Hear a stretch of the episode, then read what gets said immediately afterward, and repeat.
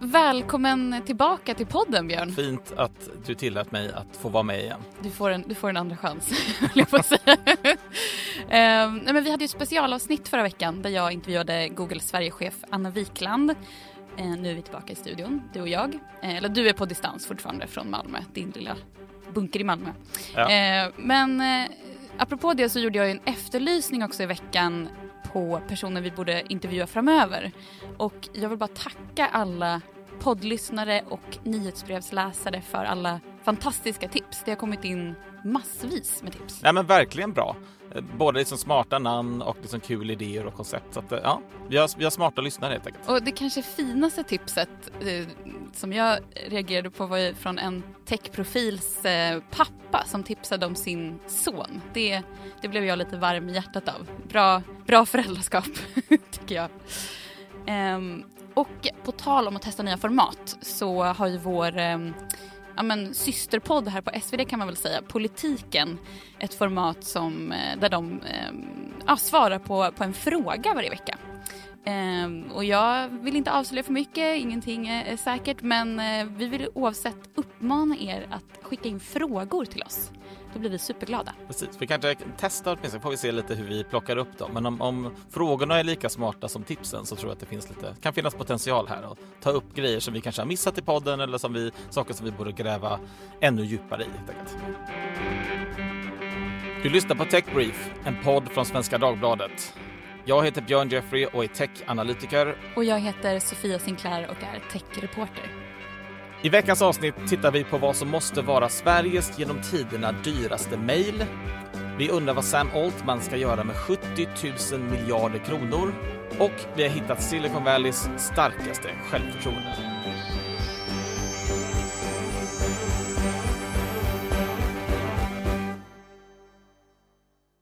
När du var VD för ett bolag, Björn, hände det att du eh, inte svarade på mejl ibland? Ganska bra på att svara på mejl, men ganska dålig på att komma ihåg vad jag själv hade mejlat. Det var ganska många mejl som jag aldrig fick svar på och som jag glömde följa upp. Men ja, annars ganska liksom diligent med min mejlkorg får jag säga. Finns lite förbätt- förbättringspotential, menar du? Ja, det finns det ändå. Nej, men jag har tittat på ett fall där eh, ett eh, missat eh, mejl, eller ett miss, att man har missat att skicka ett mejl, det kan få dyra konsekvenser. Det är ett, en rätt eh, spektakulär härva som nu har tagit en, en ny vändning här i veckan. Eh, för ett tag sedan så hittade vår poddkollega Henning Eklund och jag intressanta dokument hos eh, Stockholms tingsrätt. Och eh, jag tänker att vi kan lyssna på en liten, eh, ett litet ljudklipp här bara eh, med två av personerna som det här berör. Alla som har byggt bolag vet att det är en väldigt lång natt. I det här fallet så är den tio år. Liksom. Eh, så, så tack för, för förtroendet Christian och, och, och styrelsen eh, och det team vi har. Det är, vi, vi är rock, jag har rockstjärnor runt omkring mig. det, det arbetet vi gjort nu de senaste tio åren, det vi har framför oss kommer ju vara ett enastående projekt. Man får lite så här corporate bromance-känsla av detta ändå. Det är väldigt trevligt. Men vem är det vi lyssnar på här? Det var Christian Ander som är nuvarande vd på svenska kryptobolaget eh, Gobit och den tidigare vdn Per Helgosson som pratade i samband med att bolaget noterades eh, våren 2021. Eh, och det, ja, det var god, god stämning där i klippet. Och jag, jag vet ju inte hur eh, det är mellan dem nu men baserat på vad jag har eh, läst i de här dokumenten så kan jag ändå tänka mig att det kan vara ganska frostigt. Eh, För det handlar om en infekterad konflikt mellan då kryptobörsen Goobit och den tidigare vdn Per Helgosson. Bolaget har stämt eh, Helgosson. Och Gobit är ju då en av två stora börsnoterade spelare på den svenska kryptomarknaden. Det finns också Safello och de eh, sysslar ju helt enkelt med, med handel med eh, krypto. Men så vad är det egentligen som har hänt? Ja, men, samma år då som de eh, börsnoterades så stängdes Gobits bankkonto hos SEB ner. Och det, blev ju, det var ett hårt, ett hårt slag mot bolaget för man kunde inte erbjuda betalningar med Swish och Bankgiro och det blev svårare för kunder att göra transaktioner så det här påverkade ju kunderna väldigt mycket. Du menar att det är krångligt att driva en betaltjänst när du inte kan ta emot några pengar? Ja, det, det, kan, det kan bli svårt. Men länge så var det här oklart, alltså det var länge oklart varför det här eh, kontot hade stängts ner. men, men det kom inte från ingenstans. Eh, och det, det visade sig sen då att den dåvarande vdn Per Helgosons agerande spelade en, en stor roll i det här. Och allt rullas då upp i den här stämningen. Jag ska, jag ska dra igenom det lite kortfattat här. Då. Det börjar med att då SCB har ställt frågor till eh, Per Helgesson om kundkännedom och penningtvättsbekämpning, sånt som är viktigt när man bedriver den här typen av, av verksamhet. Och banken har då inte fått svar i tid från Helgesson och stänger då helt enkelt av kontot. Och eh, det här leder ju sen då enligt bolaget till att eh, vinsten minskar dramatiskt och då stämmer man sen Helgosson på 25 miljoner. Och det är alltså skillnaden i vinst mellan åren 2021, 2021 och 2022. Så bolaget tycker att bara för att Helgosson ställde till det med den här frågan om pengintvätten, det är hans fel personligen att det här har hänt? Ja, precis. Och eh, Det såg ut sen här som att det här kanske var klart. Det kom en, en, eh, en träskodom. Jag har verkligen kämpat med att, eh, hur man uttalar det här. Jag har behövt fråga olika experter. Eh, så jag hoppas att jag har rätt nu. Eh, och Per Helgosson svarade då inte på, på den här stämningen. Och då, eh, så man, man, visste inte då riktigt hur han ställde sig till det här när det här beslutet kom i början av, av året. Men, men eh, rätten gick då på Gubits linje. Och det som visar sig nu då, för, eh, för någon vecka sedan, är att allt det här kan förändras. Do you love anime, gaming, movies, and discovering how your favorite pop culture affects everything you do? Then join us on Crunchyroll Presents The Anime Effect. I'm Nick Friedman. I'm Lee Alec Murray. And I'm Leah President.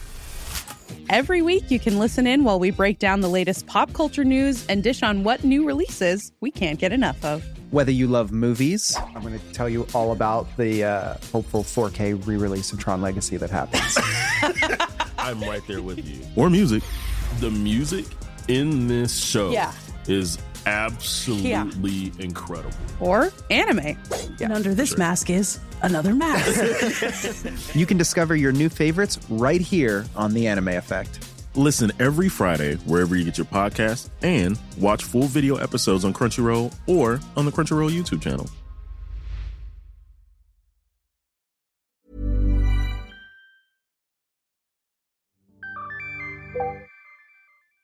Vi pratar alltså om kryptobörsen Gobit som fick sitt bankkonto nedstängt och skyllde i princip hela det här på sin vd. Eh, och innan här så pratade du lite om en träskodom som jag knappt vågar uttala. Du kanske ska förklara för alla som inte vet, vad är det för någonting?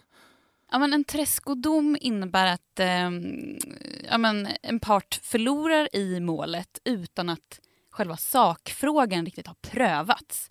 Eh, den som står anklagad har då inte eh, ja, men inkommit med, eh, med försvar, bestridit det här och inte in, infunnit sig för förhandlingen. Så själva, själva sakfrågan prövas inte riktigt men det blir ett utfall. Är det här liksom juridikens motsvarighet till att vinna på walkover i idrott när det andra laget dyker liksom inte ens upp?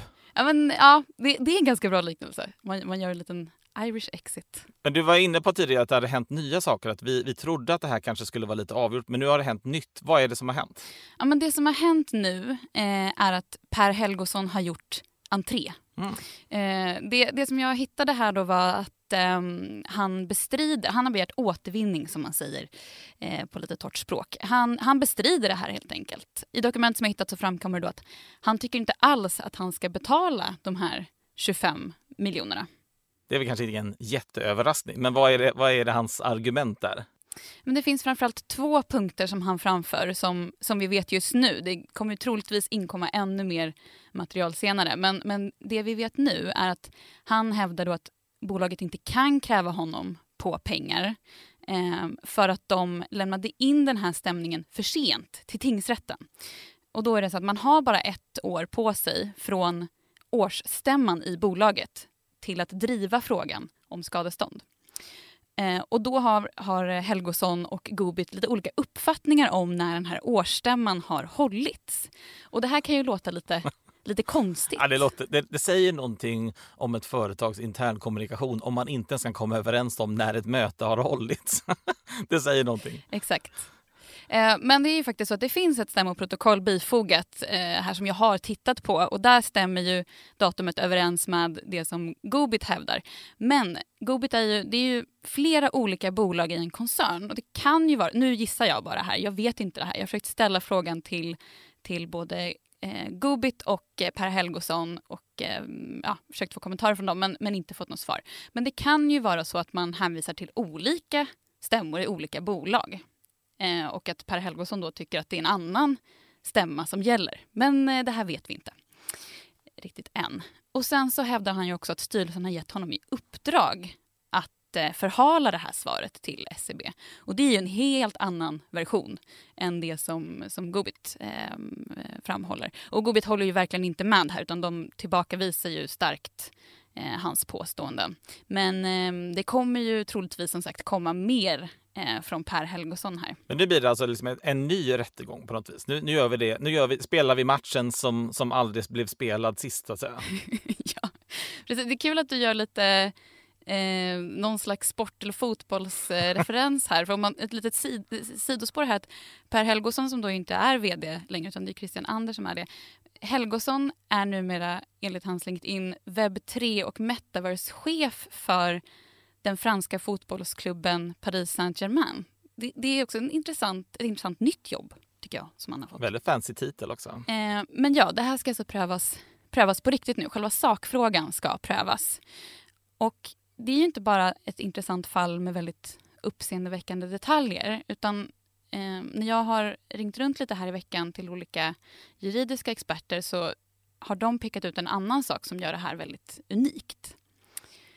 Eh, och de har reagerat på att det är otroligt ovanligt att ett bolag stämmer en vd eller tidigare vd på det här sättet och att det blir en process, i alla fall bland noterade bolag. Eh, för oftast så löser man kanske en sån här konflikt internt. Alltså att man kanske helt enkelt gör sig av med personen och sätter punkt där och, och um, att allt gammalt groll bakom inte, inte, kommer, inte kommer ut.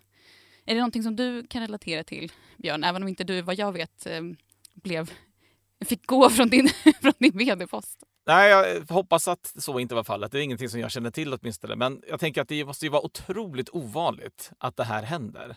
För i vanliga fall så skulle man kanske då, som du var inne på, man bara säger upp vdn och så går man vidare och så kanske man tycker att det är en jobbig situation. Men det finns ju många skäl till varför man inte vill dra ut på en sån här typ av konflikt. Även om man tycker att man har rätt i styrelsen så kan man tycka att ja, vdn gjorde bort sig. Men trots det så kanske det är lättare att bara, äh, vi går vidare. Eh, ja, vad, vad tänker du där? Det finns ju många skäl till varför det här, ja, det, det blir mer problem än det är värt så att säga. Men dels så, eh, någonting som, som personer jag pratat med har lyft, eh, det har varit så här, dels relationer, att eh, det kan ju ändå vara, vara värt att liksom avsluta det på en hyfsat eh, good note. Mm eh, att man ändå vill behålla någon typ av, av eh, relation sinsemellan.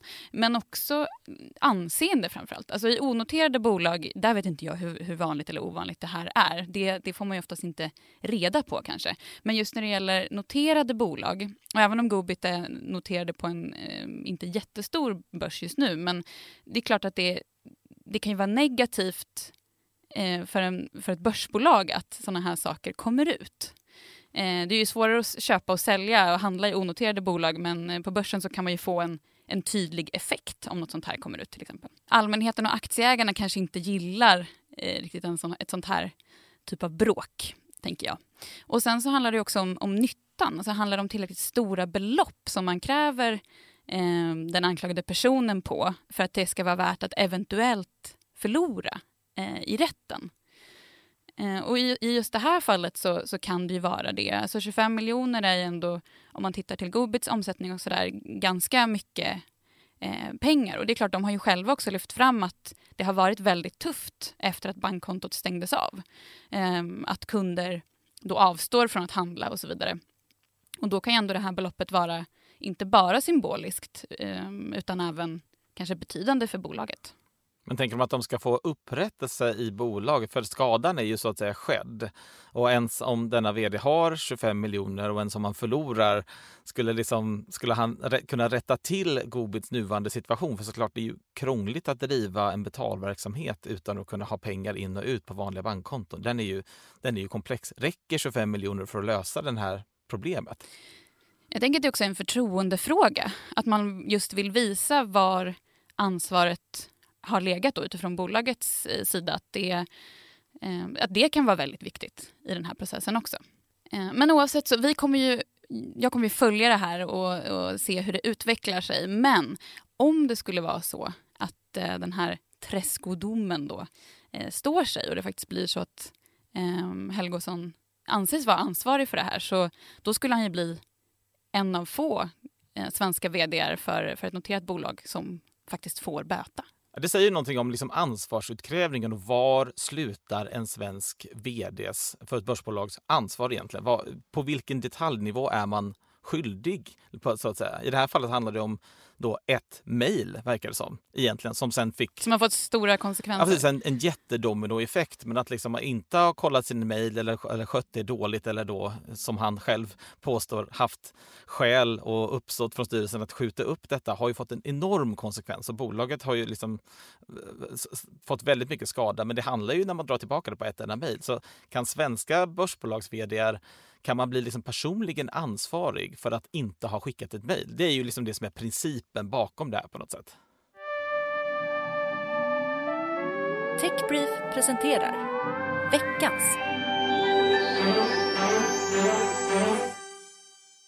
Den här veckan så ska vi lyssna på veckans självförtroende. Ta, lyssna på det här. All right guys. So I finally tried Apple's Vision Pro. And you know, I have to say that before this I expected that Quest would be the better value for most people since it's really good and it's like seven times less expensive. Uh, but after using it, I don't just think that Quest is the better value. I think that Quest is the better product, period. And, you know, the different companies made different design decisions for the headsets, they have different strengths. But overall, Quest is better for the vast majority of things that people use mixed reality for. Jag vet inte, känns det här eh, lite desperat eller hur ska man tolka det här? Ja, vi lyssnar ju på Mark Zuckerberg som sitter på en soffa och han blir filmad med Quest Pro, alltså han, hans bolag Metas eh, motsvarande då eh, VR-produkt kan man säga, deras headset och som han blir filmad av det här headsetet och han har, har... Det, det, är väldigt roligt att när man ser, när man tittar på videon hur hans då kollega sitter där och liksom tittar på honom och filmar honom med ett litet headset och ser jätte liksom, exalterad ut. ja, jag, tycker det här är, jag tycker att det här är en ovanligt intressant video. För att det, det, här är den absoluta motsatsen till de här polerade marknadsföringsvideorna. Den här är ju liksom, det är dassigt ljus, han är ju jättestel, det är han ju alltid. Men på något vis så kan jag känna så här, vad uppfriskande att det finns en tech som säger ska jag spela in en ny reklamfilm som säljer min produkt? Nej, jag sätter mig på soffan så säger jag bara jag tycker min grej är bättre än din. det känns ju också eh, väldigt eh, annorlunda från hur Apple jobbar. Ja, det skulle inte kunna vara en större skillnad. Apple har ju de mest... Det, du får ju liksom en jättelång demo i butiken när du ska köpa Apples då, nya produkt, den mest hypade produkten. Det tar ju liksom 20 minuter i butiken bara för att få prova den, hur du ska göra. Och det här är, det skulle inte kunna vara längre ifrån det. Det känns, det känns befriande, så lo-fi på något sätt. En sak som jag också tänkte på var att han pratar om hur eh, bra liksom, upplösning det är på det här eh, Quest. Och eh, jag tycker samtidigt att han ser väldigt... Ja, antingen så har han något väldigt bra filter eller så har han bara så otroligt bra hy. Jag vet inte. Men om upplösningen är så bra som de påstår, i don't know. Ja, men miljardären Zuckerberg har väl kanske förhoppningsvis en ganska bra hudvårdsrutin. Men framförallt så har han ju ett otroligt självförtroende som jag kan tycka är ganska skönt. Det är ju inte så skrytigt utan han bara liksom går igenom punkt för punkt. Verkligen värt att liksom titta på hela det här klippet. Jag tycker att den är bättre, den har bättre kontroller och den kostar en sjundedel så mycket. Vilket är sant förvisso. Sen får vi se liksom om det här om det här är en video som kommer komma tillbaka och liksom haunt him efteråt. För det är klart, det här är ju första liksom versionen av någonting. Men tycker ändå att det är värt att utnämna till veckans självförtroende. Mark Zuckerberg.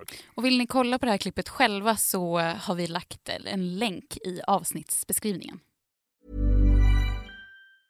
Normally, being a little extra might be a bit much, but not when it comes to healthcare. That's why United Healthcare's Health Protector Guard fixed indemnity insurance plans, underwritten by Golden Rule Insurance Company, supplement your primary plan so you manage out of pocket costs. Learn more at uh1.com.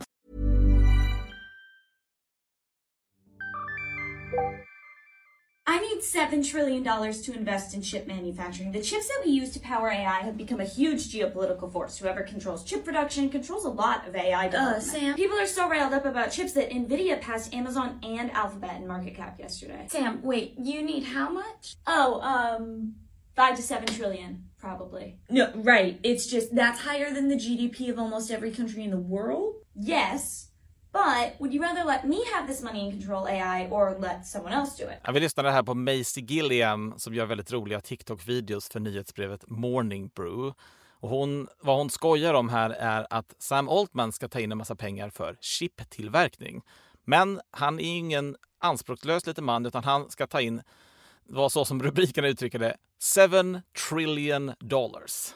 Det är rätt mycket. Alltså, när jag hör den här siffran så så blir jag liksom som den här emojin vars ögon är dollartecken. Eller, eller kanske mer den här emojin vars huvud exploderar när jag hör den här summan. Du måste förklara hur många nollor som det faktiskt rör sig om här. Ja, det lättaste sättet att tänka på det som ändå blir liksom galet är att det är 70 000 miljarder kronor. Så då har du liksom en sjua först och sen har du 13 nollor efteråt. Bra, bra pedagogiskt Björn, tack. Ja, fast det går ändå inte att fatta hur mycket det är. Så för liksom, men för att underlätta detta lite grann så har jag gjort en, liksom en lista till dig på fem grejer som du skulle kunna köpa mm. om du mot all förmodan hade 70 000 miljarder kronor att handla för. Så nummer ett. Du skulle kunna köpa ut Apple, Microsoft och Meta från börsen och äga dem privat. Nummer två. Du skulle kunna köpa 16 000 Airbus A380, det vill säga världens största passagerarplan. 16 000 sådana. Du skulle kunna köpa Nvidia, det vill säga det bolag som är marknadsledare för just chiptillverkning just nu. Den skulle du kunna köpa sju gånger. Du skulle kunna köpa Norge 13 gånger. Fast det förutsätter att Norge skulle sälja sitt eget land för sin BNP och det lär de väl inte göra. Men, men om det är 13 gånger Norges BNP. Och slutligen då, du skulle kunna köpa alla företag på hela Stockholmsbörsen till sitt fullständiga värde sex gånger. Och om du gjorde det Sofia så skulle du ändå ha 13 miljarder kronor kvar och hitta på en annan kul med till helgen. Så att, eh, hur låter det? Om jag får välja, det är otroligt eh, frestande förslag.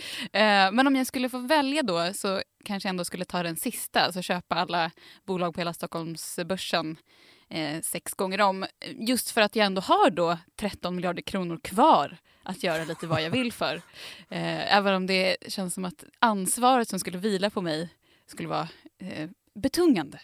Kan man kanske säga. Jag ser fram emot dig som börsdrottning, men, men eh, rik sådan också. Men vad, vad Altman då försöker göra, man måste fundera på vad är det man tänker när man ska ta in den här mängden pengar? Vad är det man försöker göra? Och syftet är att han ska försöka bygga en slags ny chiptillverkning. För alltså datachip som man använder för AI. Eh, och det är det som Nvidia gör idag egentligen, men han, det, det är det här han försöker liksom Ja, man ska, säga, vi ska vara tydlig med, han har inte gjort detta. Men det är det han som han har som ambition, åtminstone det som har rapporterats i Wall Street Journal. Men eh, det är ganska kul om man sätter detta i kontext kring hur den här funkar idag. För det görs redan chip och det, liksom, det har varit, vi har skrivit mycket om detta. Vi pratat om detta också, om att det, det tar slut på chip i världen. Och, och det, liksom, mm, det är väldigt stor efterfrågan med tanke på hela AI-boomen och AI-utvecklingen.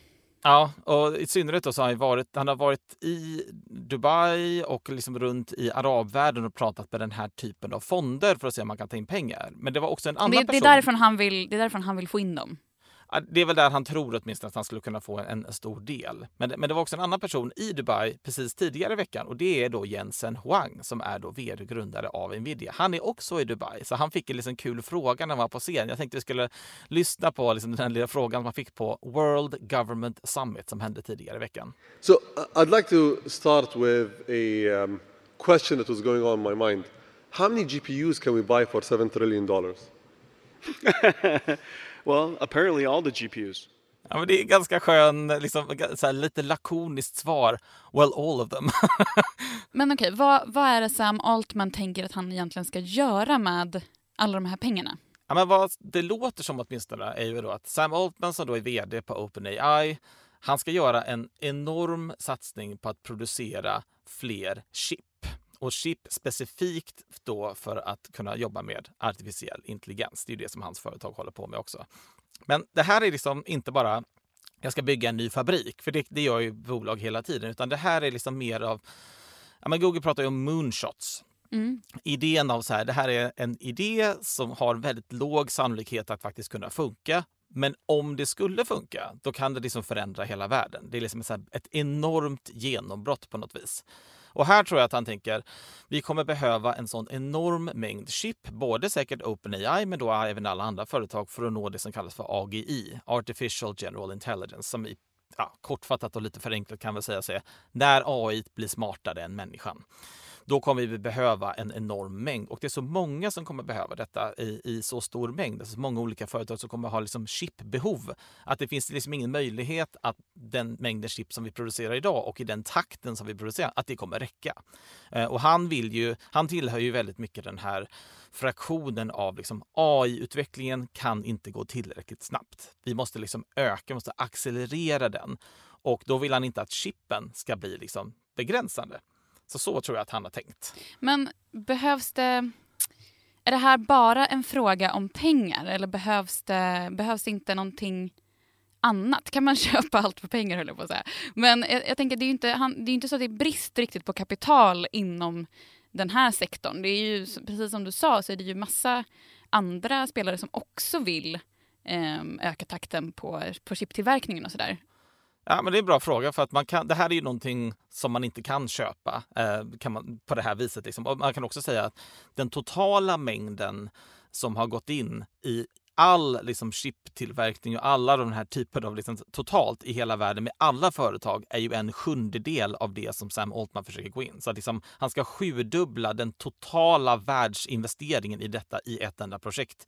Och, men, men du har en bra poäng också, så här, även om du har pengarna är det här inte enkelt. För Kina, jag såg en siffra, Kina hade lagt in ungefär 150 miljarder dollar i sin chiptillverkning och de har ändå inte kommit särskilt långt med detta. De ligger fortfarande långt efter. Så det här, det är inte bara att investera utan det här är också fruktansvärt komplicerat att jobba med. Ja, för där, i Kina så, så handlar det väl också om andra saker som Alltså man behöver kompetenta människor som också kan jobba med det här och att det finns en brist på, på ingenjörer och det är också så svåra distributions led. Eh, och jag menar, någonstans, det här är ju ändå hårdvara. Alltså det här är en helt annan infrastruktur än det som Sam Altman har gjort tidigare. Totalt. Med OpenAI till exempel. Och egentligen helt annorlunda än vad nästan alla har gjort. Jag tror tanken här, om, om man ska tro åtminstone uppgifterna då från Wall Street Journal, är att han menar kanske inte att han själv ska bygga fabriken utan han tänker att de ska använda sig av det här eh, halvledarföretaget TSMC som är ju eh, ett Taiwan-baserat bolag som gör en mm. jättestor del av alla chips. Att de skulle liksom vara ansvariga för detta. Men det är ändå en, det är på en skala på något vis som är liksom smått ofattbar. Eh, och man, jag, man, känner av, tycker jag, när man liksom läser de här intervjuerna att han, han är lite störd över an, att andra ifrågasätter honom på det här. För det är klart att det här är ju man kan kalla det hybris, men man kan också kalla det, det är ju genuint storskaligt. Det får man säga. Det är ju ambitiöst på en nivå som man kanske liksom inte upplevt tidigare. Men, men allt man sa själv då på, på, eh, på X eh, så skrev han följande. You can grind to help secure our collective future or you can write substacks about why we are going to fail. Är det, är det lite det som du och jag håller på med just nu? Exakt. Det här är en... Fast att vi poddar och inte har ett nyhetsbrev på Substack. Det här är en, det här är en ljud-Substack som gnäller över att det här verkar komplicerat. så att vi, vi, är precis, vi är Altmans problem. Men eh, han har en poäng i detta. Att, tror man att det här kommer att lösa väldigt mycket av världens bekymmer så det är klart att varför skulle man inte vilja accelerera den, den, den vägen? Sen om man kommer lyckas med detta eller inte, det, det, vi, vi, kommer till det. Um, men jag får lite jag får lite déjà vu från ett par år sedan med eh, ett annat stort bolag. Kommer du ihåg hur Softbank brukade investera back in the day? Uh, ja, men berätta för, berätta för lyssnarna. Vad tänker du på? Jag tänker att Softbank hade en väldigt aggressiv strategi med sin så här Vision Fund. Mm. Um, de, de, var ju liksom, det här var ju när värderingarna var otroligt höga. De gjorde liksom enormt stora investeringar, men de hade en ganska aggressiv metod. De kunde gå till liksom eh, ett, ett företag och säga vi skulle vilja investera ja, du vet, 5 miljarder dollar, bara som ett exempel. Eh, och, men om du inte vill ha de här pengarna, då tar vi de här 5 miljarderna och investerar i din konkurrent istället.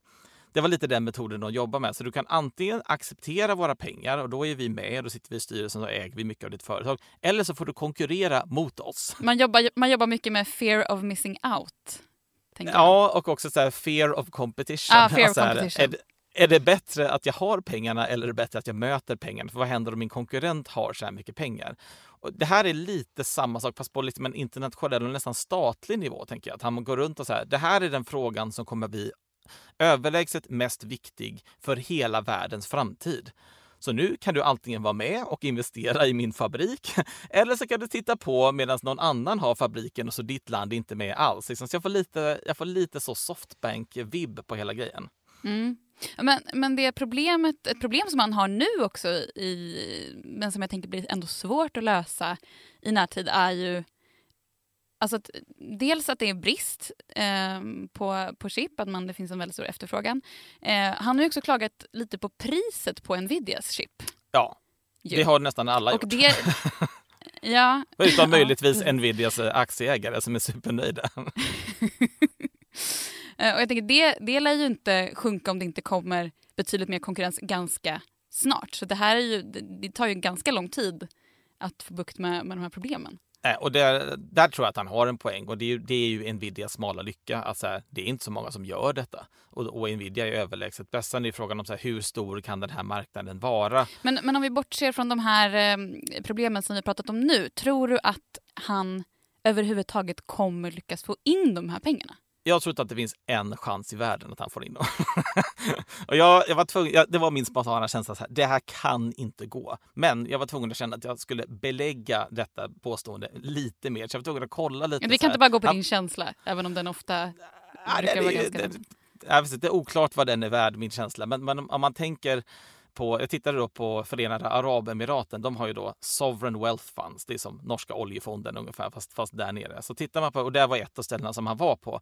Men tittar man på eh, Förenade Arabemiratens totala fond, alltså hur mycket pengar har de i hela fonden? Och då menar jag för varenda investering som de kan tänkas göra, infrastruktur, vad som helst. Det är bara en femtedel totalt av den mängden som Sam Altman försöker ta in. Så att den här, det är en du måste nästan få till liksom ett konsortium på liksom FN-nivå för att du ska kunna få in så här mycket pengar till det här. Och jag tänker det, blir som en, det skulle vara liksom en infrastrukturell satsning som skulle få allting annat i världen att blekna. Men jag bara tänker på hur skulle du ens hantera liksom governance av detta? Hur skulle du sköta detta? Tänk, tänk en bostadsrättsförening och hur stökigt det är. liksom, när, när folk har liksom lagt in ett par miljoner i en bostadsrätt och här har folk lagt in liksom tusentals miljarder. Tänk de mötena för att hålla ordning på hur man ska göra det här. Alltså det, ja, det känns som en fullständig mardröm. Men, men om man ska se det här ändå från Sam Altmans perspektiv med tanke på hans inställning till AI-utvecklingen. Eh, han är ju en, eh, han är väldigt positivt inställd och tänker att det här kommer lösa, det kommer vara ett svar på så otroligt många stora problem. Vi pratar liksom klimathot, sjukdomar, fattigdom. Då är det ju inte orimligt att göra en sån här satsning. Då, då är det ju en helt legitim sak att vilja Absolut. göra. Absolut. Med, med, med, det synsättet, så varför skulle du inte vilja lösa de här frågorna? Och om han tror att han har metoden för det, det kan det make sense. Men motcaset blir då om du inte tror det, eller för den delen du tror att AI kommer komma med en massa bekymmer, du vet robotar som tar över världen eller liksom de det kommer inte.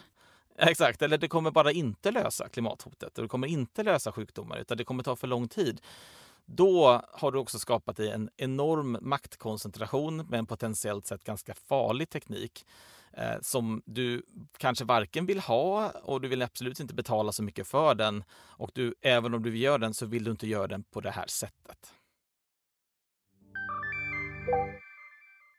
Då har vi veckans tips och det här är lite eh, ja, men, själv, självförhärligande tips. De bästa tipsen. Exakt. Nej, men, eh, I nästa vecka så kommer ju den stora konferensen Tech-arenan gå av stapeln. Och vi kommer ju självklart vara där. Inte du Björn, men jag och eh, Erik och resten av eh, ja, Henning också från, tech, från vår techpodd. Eh, och vi ska faktiskt prata på, på en av scenerna, på Bright Stage, klockan tre på torsdagen.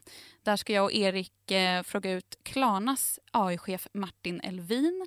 Och sen kommer Erik också göra en till intervju med Heart Aerospace på fredagen. Och vi vill ju såklart träffa er lyssnare som kommer vara där. Så att eh, ni får jättegärna komma och titta. Om ni ser oss någonstans i, i vimlet och vill heja så får ni jättegärna göra det. Kan du passa på att hitta lite bra gäster till podden när du ändå är där? Jag tänker liksom Al Gore comes to mind. alltså det ska ju vara en middag där innan på onsdagen eh, där jag tror och hoppas att eh, många av de stora namnen ska vara med. Så jag tänker att jag kanske ska, ska försöka få till att kanske Steve eh, Wozniak eller eh, Al Gore kanske ska komma till podden. Försöka, försöka göra, ett, för, göra ett försök att övertala dem i alla fall. Det här blir ditt uppdrag till eh, nästa vecka så får vi se, så får vi se hur väl du har lyckats med detta. Om Al Gore är med i studion så blir jag imponerad.